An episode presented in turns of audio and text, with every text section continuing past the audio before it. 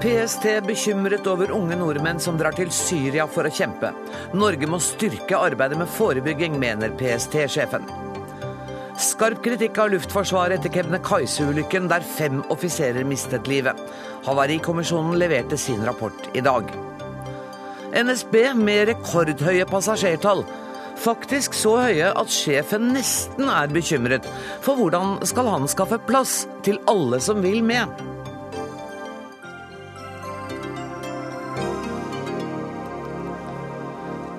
Dette er tirsdagsutgaven av Dagsnytt 18, der vi også skal innom Stortinget og den tradisjonsrike trontalldebatten.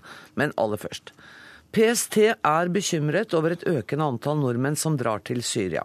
Sjef PST Benedicte Bjørnland mener tiden er overmoden for å ta et fastere grep om forebyggende arbeid for å avverge at flere norske ungdommer reiser. Benedicte Bjørnland, velkommen hit. Takk for det. Hvorfor er dette så bekymringsfullt? Det er bekymringsfullt, for det vi ser nå Vi har aldri sett så mange unge mennesker reise til samme sted, eh, til konfliktsonen Syria, så organisert og tilrettelagt som vi ser nå. Og vi er bekymret for de erfaringene de gjør seg når de er eh, i Syria. Vi er bekymret for at de kan knytte kontakter til ekstreme nettverk, til terroristorganisasjoner for at de kan ha deltatt i kamphandlinger. De utsetter seg jo selv for stor fare. Mm. For at de kan ha vært med på å tatt liv. De kan ha lært å håndtere våpen og eksplosiver. Eh, og vi er bekymret for returen til Norge. Og dette er jo da ytterligere aktualisert. Vi har to unge jenter før helgen eh, hadde reist til Syria. Bare et litt sånn sidespor. Hvor vanlig er det at jenter reiser? Det er først og fremst unge menn vi har sett dra. Men vi har også sett enkelte kvinner eh, og, eller eh, ungdommer eh, nærmere 20 år. Og hvilke oppgaver har disse kvinnene? Nei, det er uklart for oss, og jeg vil ikke kommentere heller eh, konkret hva eh, som foregår på bakken i Syria. Men vi er bekymret for at de drar. Eh, og vi er bekymret for eh, at man ikke er klar over eh, før man drar, hva man kan stå overfor. Og vi skjønner jo godt at foreldre og familie er, er bekymret når de ser at unge mennesker drar til konfliktområder. Da vi snakket sammen tidligere i dag, så sa du at det er faktisk samfunnets ansvar å være var på radikaliseringssymptomene. Jeg trodde at det var din jobb? Ja, og vi ønsker ikke å fraskrive oss et ansvar heller. Men eh, vårt mandat det er å følge med på personer som kan ha intensjon og kapasitet om å bruke vold for å fremme sitt ekstreme eh, synspunkt. Eh, det er ikke vårt mandat å følge med på en ortodoks Eh, muslim, for å si det slik. Eh, og det å fange opp når man går fra å være sterkt religiøs og troende til å vippe over til å ønske å bruke vold for å fremme sine synspunkter. Eh, akkurat i det skjæringspunktet så er det viktig at andre følge med. Hvem da? Nei, jeg tenker barnevern, eh, for dette er jo svært unge mennesker. Det er eh, skolelæreren som eh, plutselig erfarer at en ungdom kan bli rasende når noen krenker religionen hans, eller kan ytre seg slik at det oppfattes krenkende. At man begynner å gi støtte muntlig til Al Qaida og til terrorhandlinger, og gir uttrykk for at det er bare rett og rimelig at slikt skjer. Da kan man ikke bare se og registrere uten å å agere. Eh, og vi ønsker at flere i samfunnet er seg dette eh, ansvaret bevisst. Men hvis man da er eh, lærer eller i barnevernet eller i helsepersonell og ser dette, har du noen oppskrift på hvordan man da skal takle den uroen man føler? Altså jeg tenker først og fremst at man må samhandle med det ordinære politiet igjen. Altså Men det oppleves dramatisk, Bjørndal. Unnskyld. Ja. At du skal melde fra til politiet fordi at du syns en elev i klassen begynner å ha veldig sterke religiøse følelser. Ja, og det betyr jo ikke at man skal åpne en straffesak. Men det går an å formidle en bekymring. Det går an at en lærer kontakter barnevernet. Det går an at man snakker med ikke minst foreldrene. Ofte så vil jo foreldre være gode medspillere, eh, for de har jo samme bekymring. Eh, sånn at, eh, og vi har ingen tydelig oppskrift på dette. Men det vi etterlyser er et tydeligere engasjement. Et samlet engasjement fra et offentlig Norge. For vi ser at dette skjer, og det skjer i økende grad. Og per nå så lykkes vi ikke i å forebygge godt nok. Du har også sagt at du er bekymret over dem som kommer tilbake eh, fra denne type oppdrag. Eh, fordi at de på en måte er krigsveteraner med kanskje ganske tunge traumer, men uten å ha det apparatet som våre krigsveteraner da har, og at de da kan bli farligere. Ja, det er riktig. Altså, vi er bekymret for at enkelte faktisk kan returnere med et oppdrag. For eh, hos enkelte av disse menneskene så er ideologien er, er eh, internasjonal jihad-ideologi, mens fiendebildet er lokalt. Sånn at fordi vi har deltatt eh, i Afghanistan, fordi vi har deltatt i Libya, fordi det har vært publisert eh, karikaturtegninger i Norge, så har man dette lokale fiendebildet. Eh, det er, det er jo vårt oppdrag å forebygge. Eh, og så ser vi også at det kan returnere personer til Norge som ikke har fått et oppdrag om å gjøre noe her, men som er for å regne eh, regulære krigsveteraner. Som kanskje har vært vitne til grufullheter, tatt del i grufullheter, og kommer tilbake uten å ha noe nettverk rundt seg, uten mulighet til debrief, defuse. Det er et helseapparat og et tilbud om behandling. Det er ikke gitt at vi vet om det engang. Eh, og det bør man være forberedt på at det kan vi stå overfor i, i tiden som kommer. Har det streifet deg at disse unge menneskene er rett og slett glødende idealister som vil være med å kjempe for rettferdighet, for å hindre lidelse? Ja, og jeg tror det er eh, faktisk eh, tilfellet for mange. Dette er det kan være eh, enkelte av dette, at disse ungdommene som er rotløse, som er på søken etter eh, mening eh, i livet, og som ser urettferdigheter begått på bakken i Syria, og som ønsker å bidra på, etter beste evne. Men så er man kanskje også naiv oppi dette her, og gir seg i kast med noe som er svært farlig, og som kan få voldsomme konsekvenser på sikt. For å snakke bitte litt om det som skjedde i Nairobi på dette kjøpesenteret, eh, der det også er en mulighet for at en av terroristene kom fra Norge. Dere hadde ikke noen oversikt over den personen?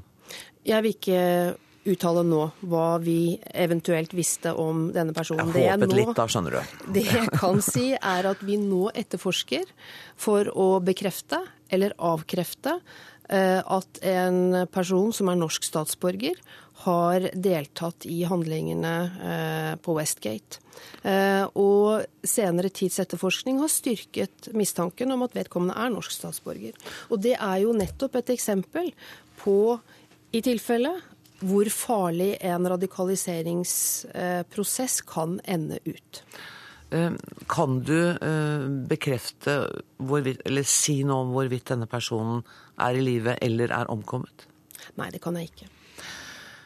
Det at dere ikke har oversikten Disse menneskene går liksom forbi den oppmerksomheten dere har. Når jeg da leser om igjen den åpne, eh, den åpne trusselvurderingen som dere ga for 2013, så er du veldig tydelig på at det er ekstreme islamistiske bevegelser som utgjør den største trusselen mot Norge. Mm. Og så tenker jeg også, Har dere såpass dårlig oversikt? Jeg vil ikke si vi har dårlig oversikt. Men vi er ikke noe vegg-til-vegg sikkerhets- og etterretningstjeneste. Eh, det skal jeg er, kanskje være glad for? Ja, eh, det er vel i hvert fall det samfunnet man har ønsket i Norge. Eh, vi har ikke øyne overalt. Vi konsentrerer oss om de personene som vi tror har intensjon og kapasitet til å gjøre noe voldelig. Og igjen, bare for å, å gå tilbake til innledningen. Det er et forbud mot at PST kan følge med på personer kun ut fra en religiøs overbevisning. Sånn at det å tro at, at vi er der ute og, og, skal følge med, og sånn skal det heller ikke være. Eh, nei, det er, det er, riktig, og jeg tenker at eh, vi som sikkerhetstjeneste er også glad for at ikke det er sånn. Du, til slutt, eh, man lurer jo på hvordan unge mennesker kan få finansiert reiser til Syria og opphold, kanskje flere dager i Tyrkia før de kommer inn. Hvordan Vet dere noe om hvordan det skjer? Det skjer nok på, på ulik vis. Eh, men det er grunn til å tro at noen av de pengene som samles inn og skal gå til nødstilte i Syria, også går til å finansiere eh, unge menneskers tur ned til, eh, til Syria. Det foreligger en handlingsplan som bl.a.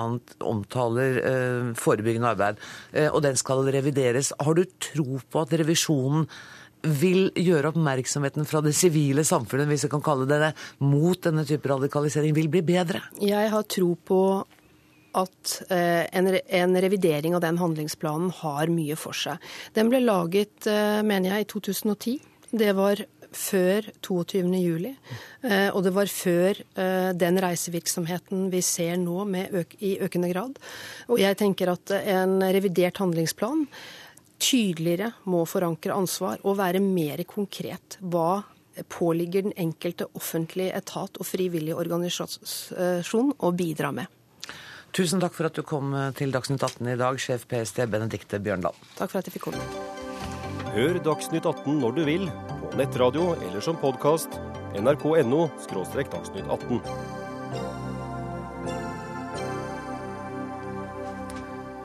Det norske luftforsvaret må tåle kritikk etter flyulykken ved Kebnekaise som kostet fem norske offiserer livet i mars i fjor.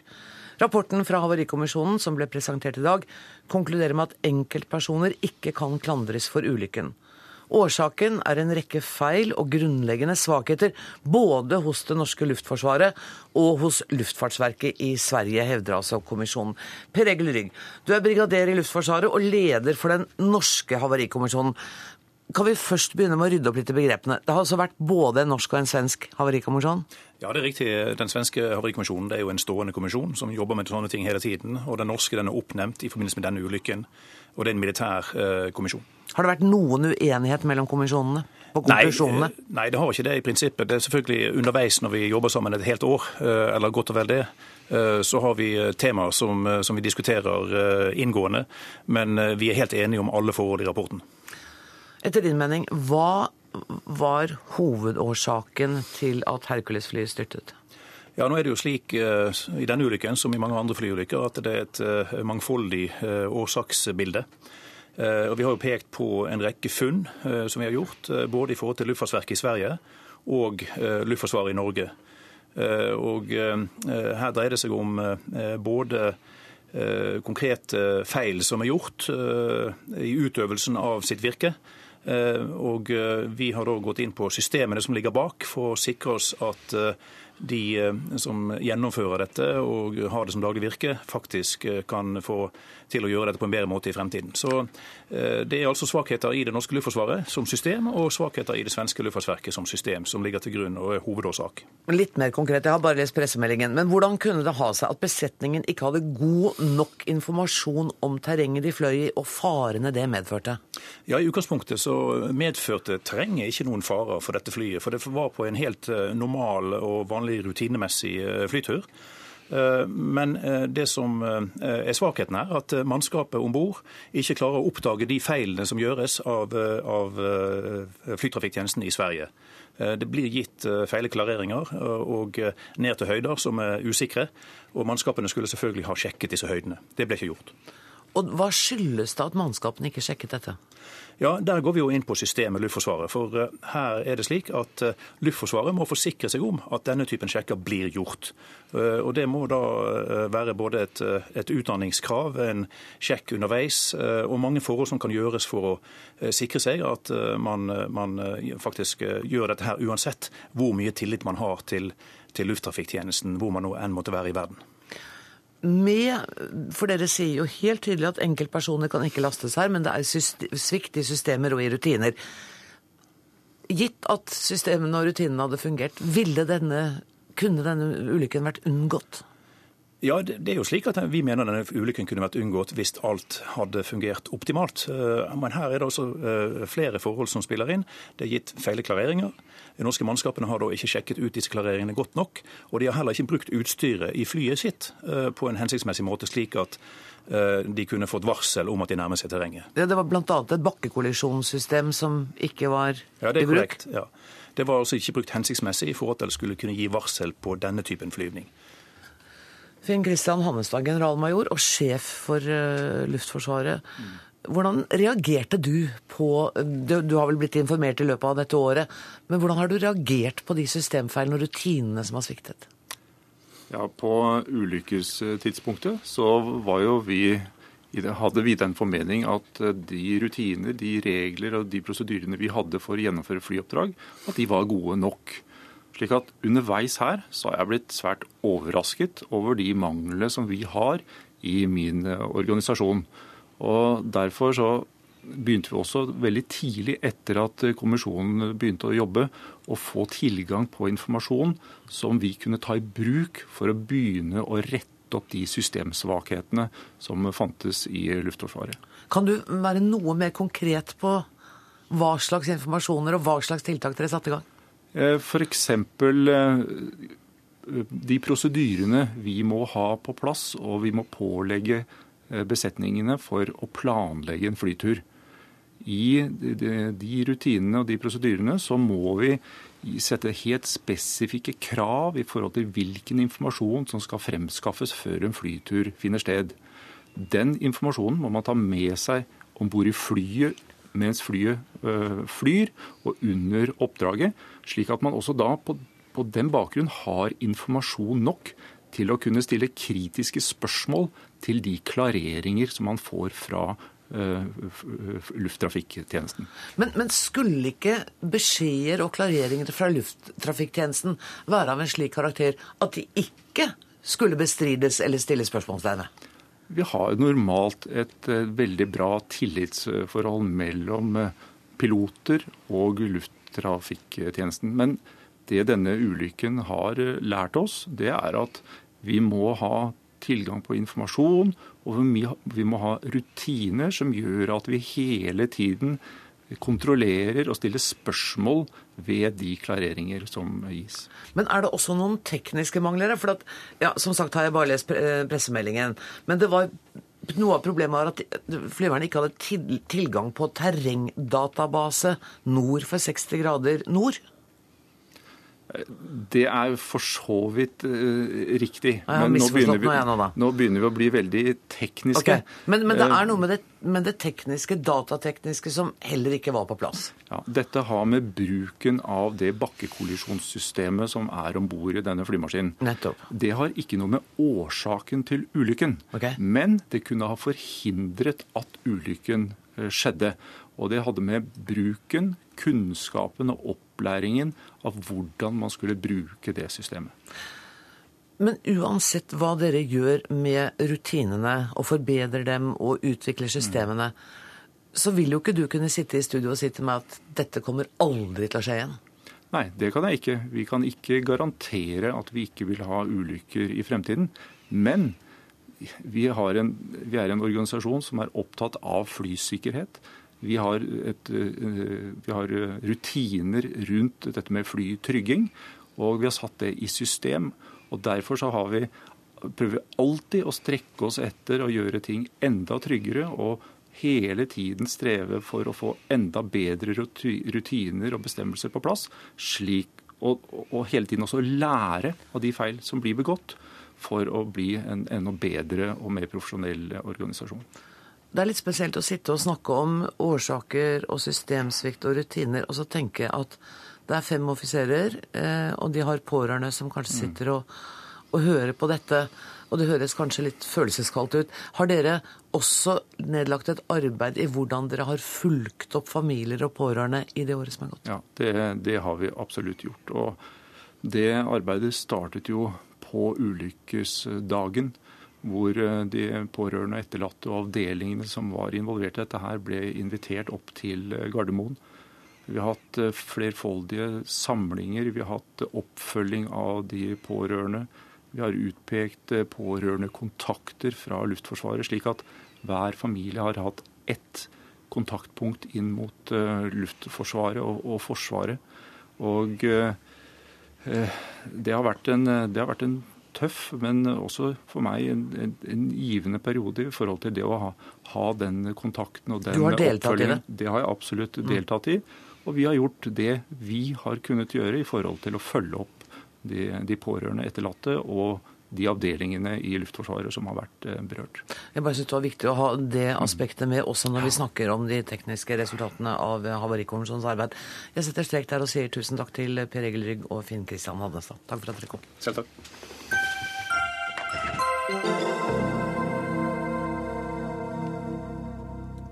Det er turbulens i Norwegian nok en gang, og denne gangen er det pilotene som rasler med sablene. Ledelsen i Norwegian har forhandlet med Pilotforeningen i en drøy dag før det ble brudd i forhandlingene tidligere denne uka. Nå har de svenske og danske pilotene fått tilbud om 3% høyere lønn hvis de blir med over i et av Norwegians datterselskaper. Men det betyr også at de mister streikeretten hvis de går ut i streik. Og Øyvind Henriksen, du er journalist i E24 og har fulgt denne saken nøye aller først. Det har vært veldig mye snakk om datterselskapene som Norwegian oppretter i utlandet. Hvorfor gjør de det? Og Det handler jo om den store drømmen til Norwegian om å bli et av verdens billigste flyselskaper å reise med. Hvis du skal være billig, så må du være stor. Da kan du presse prisen ned helt til bunns når du kjøper fly. Du kan komme først i køen når du skal kjøpe fly, og du kan kjøpe andre ting så billig som mulig. Hvis du skal gjøre det, så må du ikke bare fly rundt omkring i Norge. Da må du fly mellom London og Barcelona, mellom London og New York. Du må være der du kan være. Eh, Norge er ikke stort nok eh, til å få ned prisen på flyene der, vi, der selskapet ønsker det. Eh, så det er derfor de nå oppretter selskaper rundt omkring for å kunne ta de operasjonene med et lokalt kostnadsnivå. Og da tilbyr de svenske og danske piloter å bli med over i de nye datterselskapene? Ja, det er jo tilfellet i Skandinavia, da, at ja. de nå har gått ut med dette tilbudet for å få svenske piloter over i et eget selskap, eh, ut fra det selskapet der de i dag, eller der de ville komme til å bli sammen med de norske pilotene. Mm.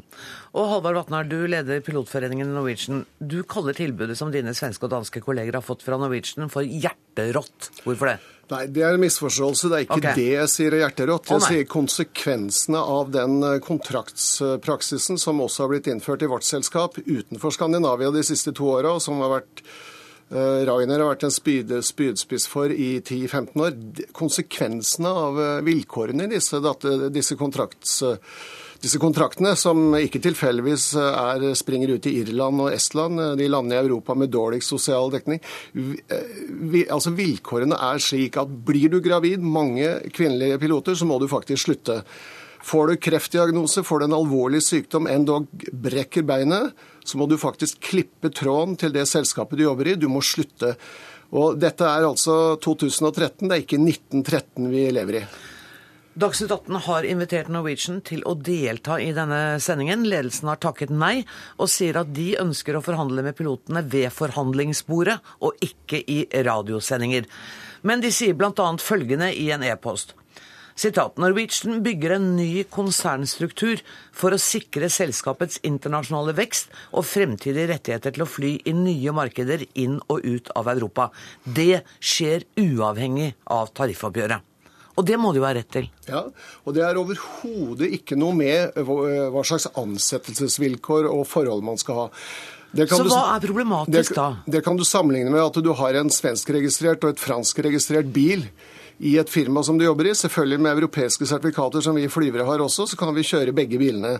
Så hvor han vil plassere AOC, det står for Aircraft Operating Certificate, som da igjen får trafikkrettigheter, det er helt eh, Det legger ikke vi oss opp i. Eh, men det vi legger oss opp i, er at når han prøver å knuse den strukturen vi har i Skandinavia Vi har en tariffavtale med svenske, danske, norske piloter. Og første dag i forhandlingene får vi beskjed om at vi skal kaste svenske og danske kolleger på båten. Det er uakseptabelt i 2013. Men videre inn, Jeg skal ikke sitere hele denne e-posten, og det er også Norwegian klar over, men de skriver også at alle de skandinaviske pilotene opprettholder sine lønns- og arbeidsvilkår, også dersom de velger å gå over til de svenske og danske EU-selskapene tilknyttet den europeiske driftstillatelsen. Men det er helt frivillig å gå over, og de kan forbli i det norske driftsselskapet sammen med de norske pilotene. Ja, selvfølgelig. De, det, det, sier jo jussen, at de kan det. Ja. Men de frister altså med en krok med en for å, bruke, for å bruke en, et uttrykk som en gyllen mark på kroken, for å få de til å bite på. Hvorfor? Jo, for et gammelt norsk uttrykk splitt og hersk. Bjørn Kjos har personlig gått ut i Jeg har hørt han har sagt i media flere ganger de siste to årene at han vil ikke forholde seg til fagforeninger lenger. Og heller ikke politikere, mente jeg han sa, som ikke har greie på hva de snakket om. Eh, så dette er eh, fagforeningsknusing. Selvfølgelig når vi står sammen, vi tre landene, så står vi mye sterkere i en forhandlingsposisjon, eller måtte bli splittet opp sånn som det, det ønskes. Um, når de da sier at det er altså et fritt valg, man kan jo velge å ikke ikke gå over i det andre selskapet og ta den 3 %-lønnen, men beholde tariffavtalen som den er, og stå i den norske foreningen? Ja, Vi er ikke en norsk forening, vi er en skandinavisk, skandinavisk forening. og det er jo det vi oppfordrer til veldig sterkt ved basemøter. Eh, både på Arlanda i dag og København i morgen, og jeg skal personlig til Bergen i morgen. Og, flere av kollegene skal rundt og dekke alle basene for å fortelle hva som egentlig er i ferd med å skje. Dette er eh, ja, det er alvorlig. og Det er veldig viktig at folk får den informasjonen der ute, og ikke bare ser denne kroken med den gylne marken på. Jeg skal bare gjenta altså at ledelsen i Norwegian er invitert til Dagsnytt 18 i dag, men fant ikke anledning til å delta. Espen Andersen, du er førsteamanuensis ved Institutt for strategi og logistikk ved Handelshøyskolen BI, med bl.a. internasjonal flybransje som spesialfelt. Blir du overrasket over den strategien som Norwegian fører overfor pilotene?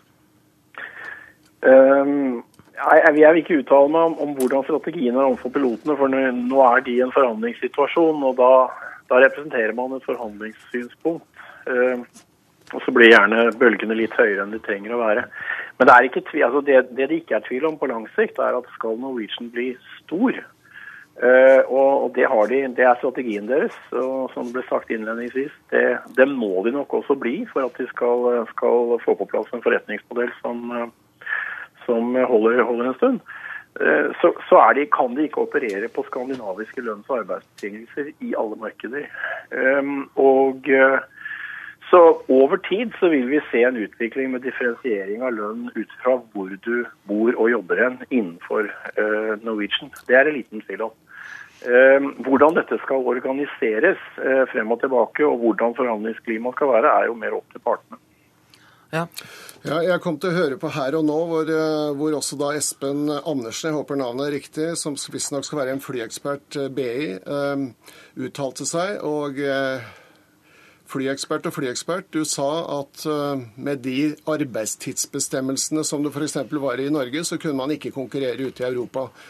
Jeg regnet med at en flyekspert skulle vite at det er felles europeiske arbeidsbestemmelser vi jobber etter, og det er ikke noe særnorsk i det hele tatt.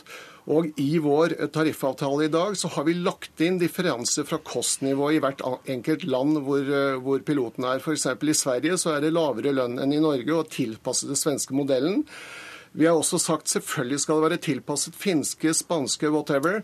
Men det som er realiteten, er at mitt selskap importerer spanske piloter med elendige kontraktsvilkår. Hvis du hadde vært fast ansatt i Spania, de har faktisk høyere lønn enn i Norge, pilotene i Iberia. Og til og med i Vueling, som er et lavselskap der nede, konkurrerer med oss på lønninger. Så det er direkte feil det Espen Andersen presterer å, å, å, å si. Men Norwegian setter disse kontraktspilotene, hele krua, på Torp og flyr ut og inn av Torp. Det er en norsk base, det er en norsk fabrikk. Da skal norske vilkår gjelde. Espen Andersen.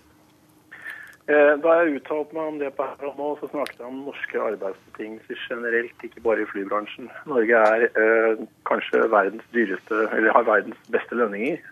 Eh, og også verdens jevneste lønnsnivå. Eh, altså vi har laveste, en av de laveste Gini-koeffisientene i verden. Eh, så eh, ja. jeg vet ikke hvorfor Bjørn Kjos gjør som han gjør i denne situasjonen her sånn. Det jeg tror han ser til, er skrekkeksempelet SAS. Der ledelsen har kjørt en splitt og hersk-ordning overfor fagforeningene i mange år, men der fagforeningene også ikke har skjønt alvoret i konkurransesituasjonen. Mm. Og så er det jo Ja, jeg, jeg jeg, jeg syns retorikken som er ute og går her sånn, er, er forblommet. Konkurransesituasjonen i flybransjen er kanskje den hardeste i verden. Og eh, Hvis jeg hadde vært fagforeningsrepresentant i Norwegian, så hadde jeg kanskje heller istedenfor å henge meg opp i, i, i, i de detaljene det her blir snakk om, forsøkt å få på plass ordninger som gjør at man har en felles interesse av at bedriften vokser og tjener penger, f.eks. medarbeiderskap. Nei, unnskyld, medeierskap. Mm. Øyvind Henriksen, tror du at uh, Kjos og Norwegian kommer til å få det som de vil, og flagge ut og bli det store selskapet de har en drøm om? Jeg tror nok det. Eh, men det kommer ikke til å bli uten problemer i, i det hele tatt. Vi, vi hører det. Vi hører det. Det blir veldig spennende hva som blir utfallet av de tre dagene de skal da sitte i mekling om en eh, liten stund. Hvis det blir streik her hjemme eh, Vi har aldri hatt noen lange Norwegian-streiker, har vi det? Nei. Kan ikke huske noe sånt. Pilotene har aldri streiket. Nei. Det var vel en kabinstreik på 97, men det var når ingen visste hvem Norwegian var. Vi fløy for Bråten. Men jeg må få lov en liten kommentar. Okay. Du sier medeierskap. Jeg har vært i Norwegian siden 1995. Vært uh, fagforeningsleder i uh, mye er det, 12-13 år. Um, og når det ble et aksjeselskap, så vi er medeiere alle sammen. Men vi kan ikke se på den kursen som blir valgt nå. Det har ingen framtid. Vi må ha medarbeidere som er lojale og følger selskapet og drar i samme retning. Ikke løsarbeidere rundt omkring som bare tenker på seg selv og hopper til nærmeste grønne tue hvis den blir grønnere der. Øyvind Henriksen, er, vil Kjos være opptatt av det, at, av lojaliteten til selskapet? Kjos har eh, fokus på én ting, og det er kostnadene. Eh, Norwegian har i dag halvparten av kostnadsnivået til SAS. Ryanair har halvparten av Norwegian igjen, og det er der Kjos har fokuset. Tusen takk for at dere kom, Øyvind Henriksen, Halvor Vatnar og Espen Andersen.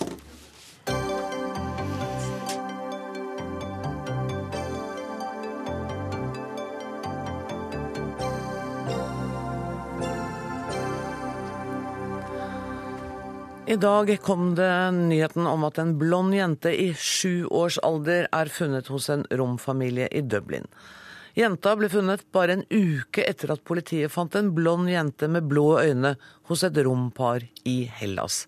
Irske myndigheter har nå tatt hånd om jenta, melder lokale medier. Espen Aas, korrespondent i London. Hvordan fant politiet fram til eh, denne jenta? De fant frem til henne rett og slett etter tips fra publikum. Denne Maria-saken fra Hellas har jo fått store oppslag her også. og Det var noen som la merke til at denne jenta overhodet ikke lignet verken på søsken eller foreldre. Kontaktet dermed politiet. Politiet tok hånd om jenta og avhørte foreldrene eh, over noen timer. Og selv om foreldrene hevdet at det var deres barn, så kunne de ikke bevise dette gjennom noen av den dokumentasjonen som de eh, fremla. Men Hvordan forklarte ekteparet seg da? Nei, De sa at dette var deres barn. De hevdet at de hadde fødselssertifikat som beviste det. De viste til hvilket sykehus jenta var eh, født på i, i 2006. Det var et sykehus, Coombe Hospital i, Dublin, og skal bli født der i april 2006. Men uh, da politiet kontaktet sykehuset, så var det i hvert fall ingen der og da som kunne uh, bekrefte det som de angivelige foreldrene sa var sannheten. Og politiet tror heller ikke at fødselsattesten kanskje er helt ekte?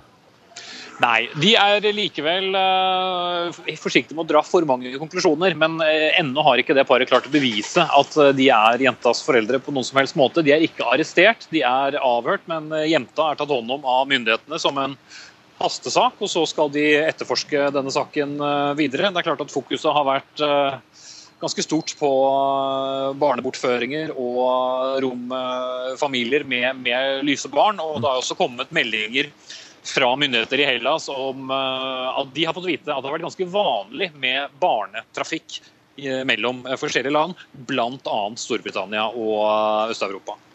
Hvordan har medieoppmerksomheten vært i dag i Dublin? Ja, det er jo en lokalavis som først og fremst skrev om dette, og de er de eneste som har hatt helt sikre kilder på det. Eh, så har andre kastet seg på. Den er blitt tomt noen ned, ettersom politiet eh, fortsetter å si at vi er ikke ferdig med å etterforske denne saken. Mm. Men eh, det er klart at en, en lyshåret jente som den eneste lyshårede i en familie vekker oppsikt både hos vanlige folk og hos politiet. Tusen takk skal du ha, Espen Aas fra Storbritannia. Europakorrespondent Åse-Marit Befring. Det er jo ikke mange dagene siden en liten jente ble funnet og hentet ut av en romleir i Hellas, som vi snakket med Espen Aas om. Og nå går altså historien hennes verden rundt. Har du noe nytt å fortelle oss i denne saken? Ja, Politiet går jo nå gjennom alle de tipsene om forsvunne jenter som de tar på alvor. De har jo fått flere tusen eh, henvendelser fra publikum. Eh, og mange av disse peker konkret mot eh, forskjellige barn som har vært forsvunnet i årevis. Og nå er det ti saker visstnok som de tar spesielt alvorlig. Og en av de gjelder en jente som forsvant fra Sverige for noen år siden. Fire av dem gjelder barn i USA, ett fra Canada, ett fra Frankrike, ett fra Polen. Altså det er et ganske stort område her vi snakker om om eh, politiet mener fortsatt i utgangspunktet at dette her er en jente som er fra Nord-Europa eller fra Øst-Europa. Eh, og så har de gjort eh, undersøkelser av eh, jenta, og ut fra det fastslått at hun er eldre enn de først trodde. Hun er rundt fem-seks år, og ikke fire, som de antok eh, når de da fant henne i eh, denne leiren. Og det ekteparet som uh, jenta bodde hos, er pågrepet. Og de er siktet for å ha bortført uh, jenta og for å få forfalsket identifikasjonspapirer. Har politiet noen teorier om hva som har skjedd? Altså, de jobber ut fra at hun enten er stjålet, eller at eh, hun kan være et offer i en eh, barnehandelring. Eh, foreldrene har flere falske attester på jenta, og ut fra det så tror de at noe har skjedd her. Det har vært flere sånne barnehandelringer, som også Espen Aas nevnte, mm. over grensen mellom Hellas og Bulgaria. Senest i 2011 så ble ti personer arrestert etter å ha drevet en sånn handel med nyfødte rombarn. Eh, og paret som eh, hadde henne, de, de, mener at de, eller de hevdet da i en forklaring i går at de eh, hadde fått henne lovlig fra hennes biologiske mor, som ikke klarte å ta vare på henne. Takk for at du var med i Dagsnytt 18, Åse Marit Befring, europakorrespondent Janne Rånes i Redd Barna. Politiet spekulerer altså i om jenta som ble funnet i Hellas, kan være offer for menneskehandel. Hvor vanlig er det at barn blir bortført og solgt? Eh, I, på verdensbasis er jo det veldig kjent at eh, barn eh, blir handla med, som det heter så kynisk. Så det er jo ikke uvanlig. Det er en av de mest utbredte organiserte kriminalitetene vi har. Det er big business, for å si det sånn. Vi vet at voksne bakmenn kynisk bruker barn både til prostitusjon og til tvangsarbeid. Eh, så nå vet vi jo ikke hva som har skjedd med de to jentene som er oppe i dagen her. Men det er vel kanskje ikke så rart at politiet lurer på om det kan være menneskehandel, men det er veldig bra at det etterforskes grundig. For det er ikke sånn at hver gang barn er utnytta, så trenger det nødvendigvis å være menneskehandel. Men man må absolutt eh, komme til bunns i hva som ligger bak. Når det er en spesiell situasjon, selvfølgelig. Når dette skjer for andre gang på en uke, så begynner man å tenke er dette problemet veldig mye større enn vi vanlige har visst om? Eller er det bare en tilfeldighet? Eh, jeg vil kanskje tro det er tilfeldig, men det er vel det kanskje heldigvis sånn at eh, når man får den første saken, så begynner man å se seg rundt. For å sette litt på spissen, så kunne jo kanskje vi ønska oss at man i mye større grad så alle de andre barna som ikke skilte seg så vanvittig ut som kanskje de to jentene her. Da, for at de aller fleste barna som er utnytta for menneskehandel, dem finner vi jo aldri. Eh, det at eh, det blir medieoppmerksomhet rundt en sak i Hellas, gjør at folk begynner å se seg rundt i nabolaget. Eh, det er bra, for det er på den måten altså det at man får kunnskap om at grov kriminalitet skjer, det gjør at man òg begynner å tenke seg om er det mulig at det her skjer rundt med nå. Mm. Men siden begge disse sakene handler om unger som er funnet hos romfolk, er det en fare for at dette også kan bli en, nok en hets av romfolk og virke stigmatiserende på dem? Eh, klart det er en fare for det. Nå er jo rombefolkninga så stigmatisert at man kan jo mm. lure på om det er mulig å stigmatisere dem ytterligere. Men jeg har veldig lyst til å si at eh, det vi vet om menneskehandel, er at menneskehandel er en del av et fattigdomsproblem. Eh, det er for oss et, en illustrasjon for det første på hva fattige mennesker er i stand til å gjøre for å berike seg. Men det er òg en påminning om at foreldre av og til er i så desperate situasjoner at de velger å enten gi fra seg barna sine eh, for at de håper at de skal få et bedre liv, eller gi dem fra seg for penger. Mm. Så vet vi at uh, i rombefolkninga er fattigdom et stort problem, men jeg tror ikke det har noe med at de er rom som sådan, men det hører med til de sosiale problemene man finner i de befolkningsgruppene. Men vi finner altså offer for menneskehandel fra alle befolkningsgrupper Eh, der man ser at fattigdom og land og fattigdom er et, eh, en realitet. Tusen takk for at du var med i Dagsnytt 18, Janne Rånes fra Redd Barna.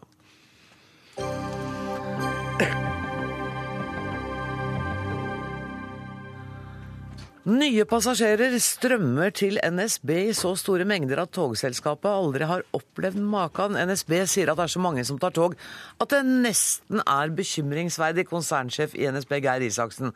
NSB hadde en økning på 8,4% i passasjerer i årets første åtte måneder. Hva er grunnen til at flere og flere av oss tar tog? For det første så må jeg si at jeg er jo veldig glad for dette. Jeg er ja. jo ikke bekymra for Nei, at vi får så mye Jeg så deg på Dagsrevyen i går. Da var det sånn Ja, men vi må ha plass til alle disse menneskene, sa du da. Ja, ja det, det, må vi ordne. Grunnen til at det har blitt så mange flere nå, det er at vi la, la opp et nytt rutetilbud i fjor, i desember. Og det fikk veldig godt tilslag. Det var hyppigere avganger, og dermed også mer attraktivt. Og folk vil Altså, det er jo en suksesshistorie for NSB. Men samtidig så er det mange forsinkelser og feil. Stor frustrasjon blant dem som reiser regelmessig. Eh, ved over 60% av tilfellene så er det infrastrukturen som er årsaken til feil og forsinkelser. Hva må til for at dere skal rydde opp i det?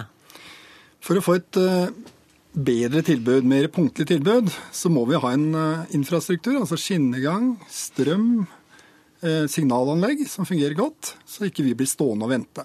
Mener du at jeg burde hatt Jernbaneverket her istedenfor deg? Nei, jeg mener at vi må kunne få dette til sammen. Eh, men det har med å prioritere en eh, vedlikehold og fornyelse av den infrastrukturen vi har. Jeg syns det er det viktigste. At vi bruker det vi har på en optimal måte. At vi vedlikeholder og setter det i stand. Og det er Jernbaneverket helt enig i. Så de har også bedt om mer penger til vedlikehold, og vi støtter dem i det, da til Dagsrevyen i går, så sa du at dere forbereder dere på 50 millioner flere reiser de neste 20 årene.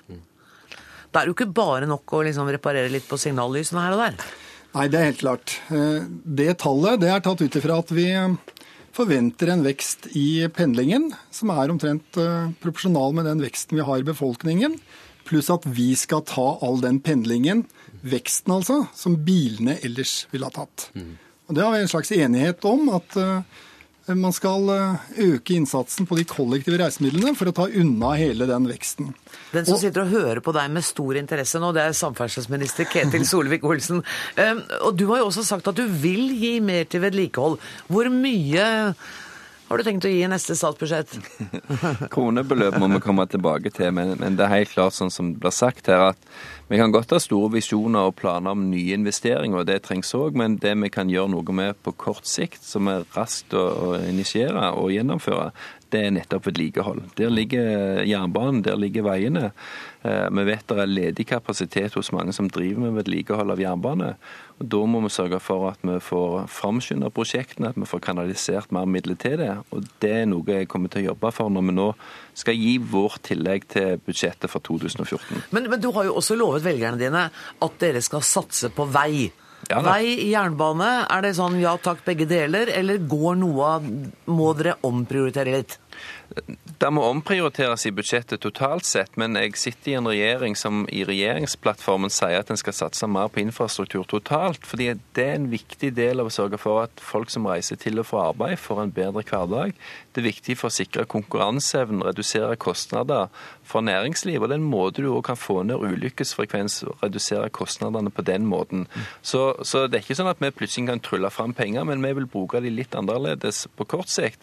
Og så handler det òg om at når vi nå skal jobbe med 2015-budsjettet, eh, så vil vi ha mye bedre mulighet og mye bedre tid for å se på struktur, altså omorganisere. Og Der ser en jo Aftenposten i dag har jo en sak som viser hvordan en under de rød-grønne har fått ulike deler av embetsverket og byråkratiet til å utarbeide en masse mulighetsstudier for hvordan du kan organisere dette bedre. Men alle forslagene har fått nei, nei, nei fra de rød-grønne.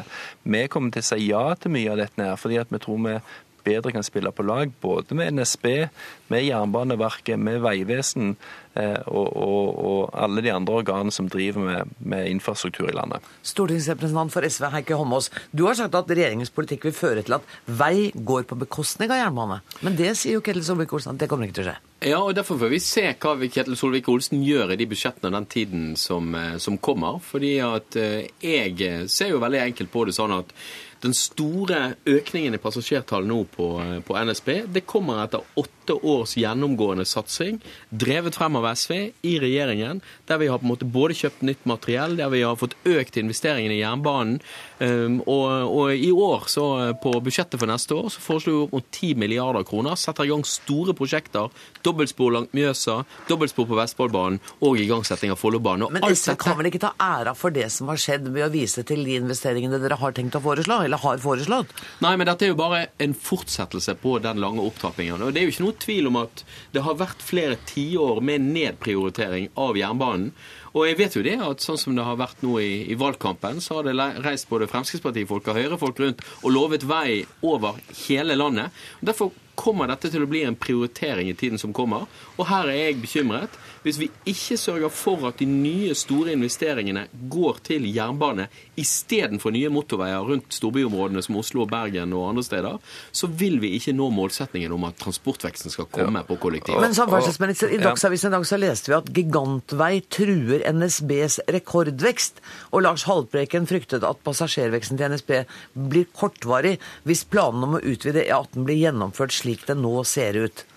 Nei, Det ser jeg ingen grunn til. og Heikki Holmås og Naturvernforbundet må gjerne reise rundt og være bekymra. Jeg har tenkt å være en handlekraftig regjering som tar mye av den forarbeidet som er gjort i embetsverket, og gjør om til levende politikk, sånn at folk kan se resultatene.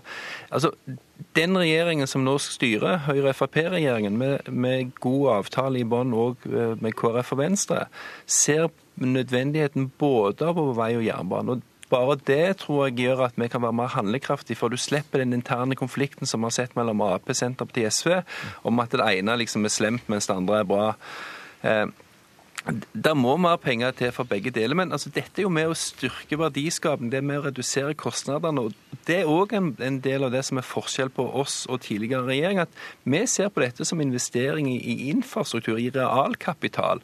Og det øker altså samfunnskaka. Vi baker den større, istedenfor at en hele veien ser på noe som, som fælt. Og så vil jeg òg nevne at i regjeringsplattformen vår så sier vi at vi vil ha en, en helhetlig planlegging av intercitytriangelet. Der har ikke Holmåsen regjering sagt at vi stopper halvveis ut fra hver eh, retning for Oslo. Så vil vi planlegge hele strekningen. fordi at da vil du kunne gjennomføre det på en mer praktisk måte. Mm.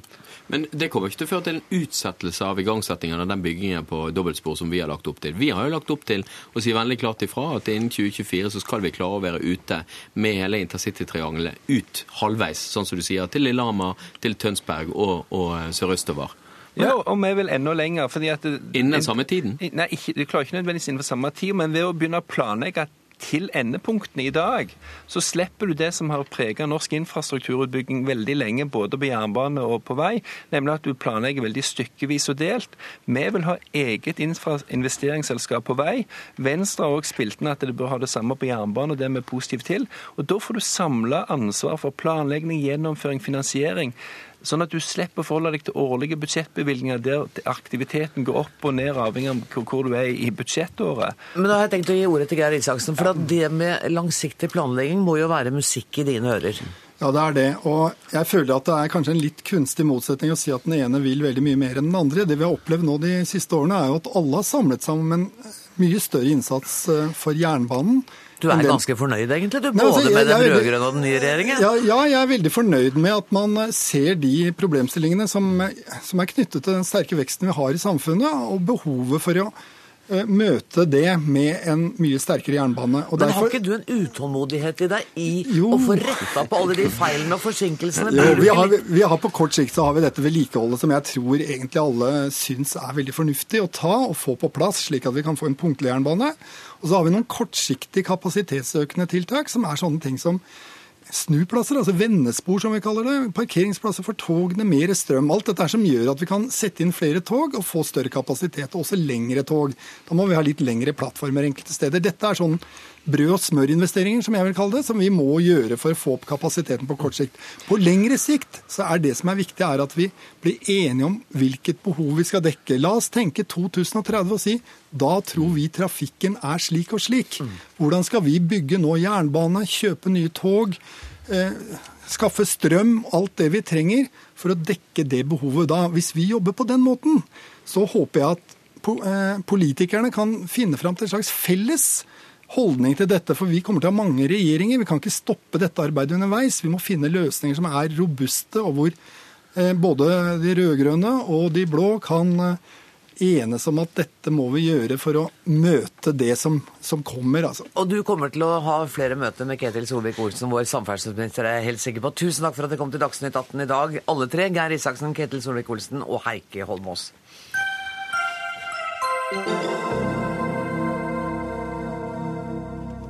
I dag var det sceneskifte i Stortinget. Fra klokka ti i formiddag og til langt utpå kvelden skal den nye regjeringserklæringen debatteres.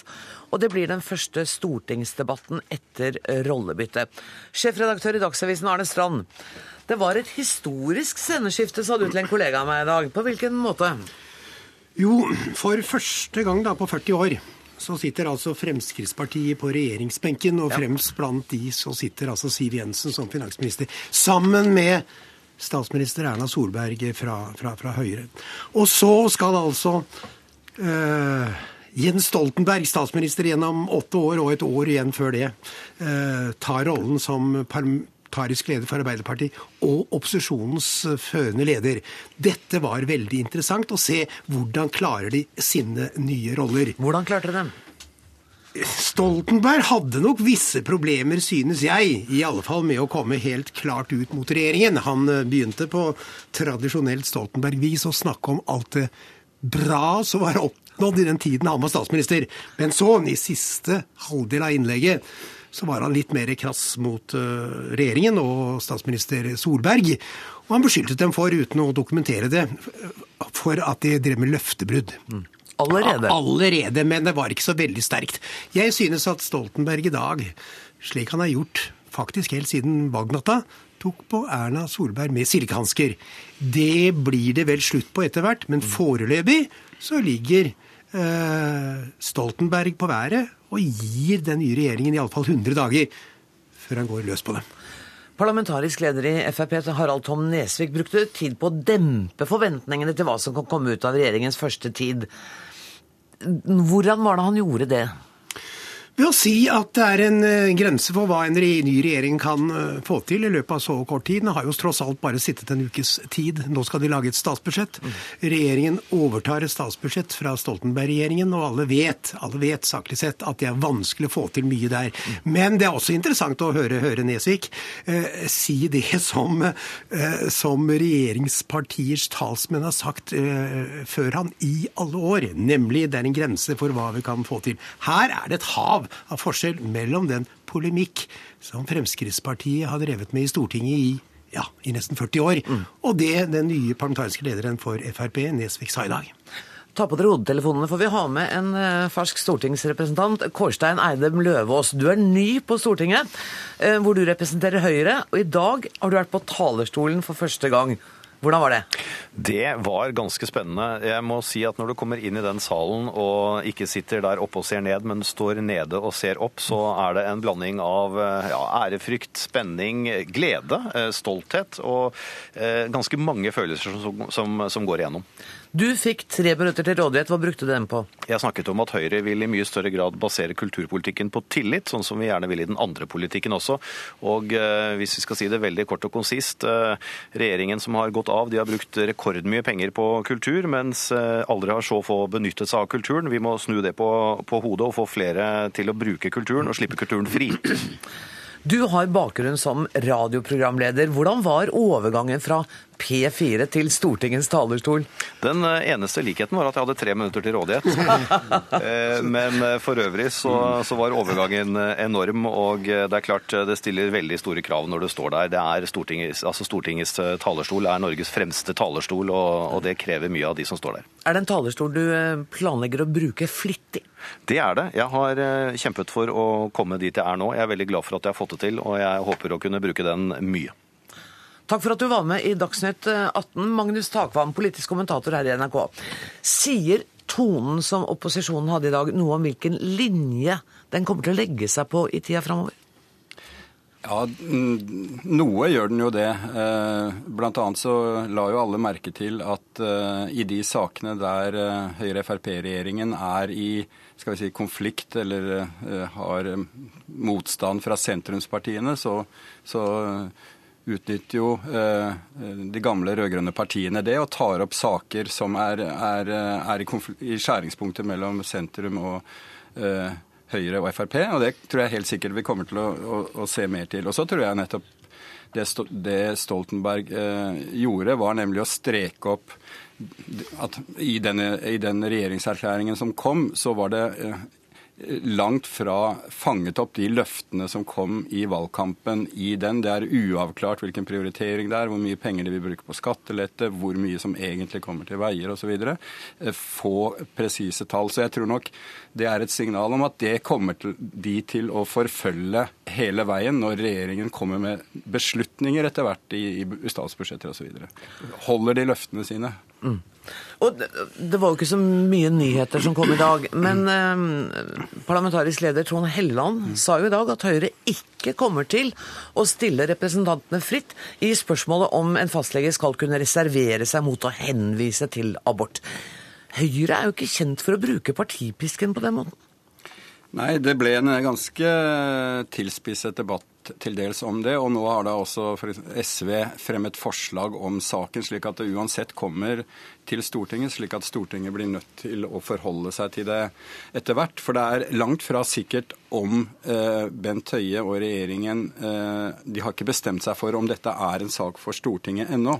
Men, eh, men fordi de jobber med å utrede hvordan en, en slik reservasjonsmulighet for fastlegene skal utarbeides i praksis.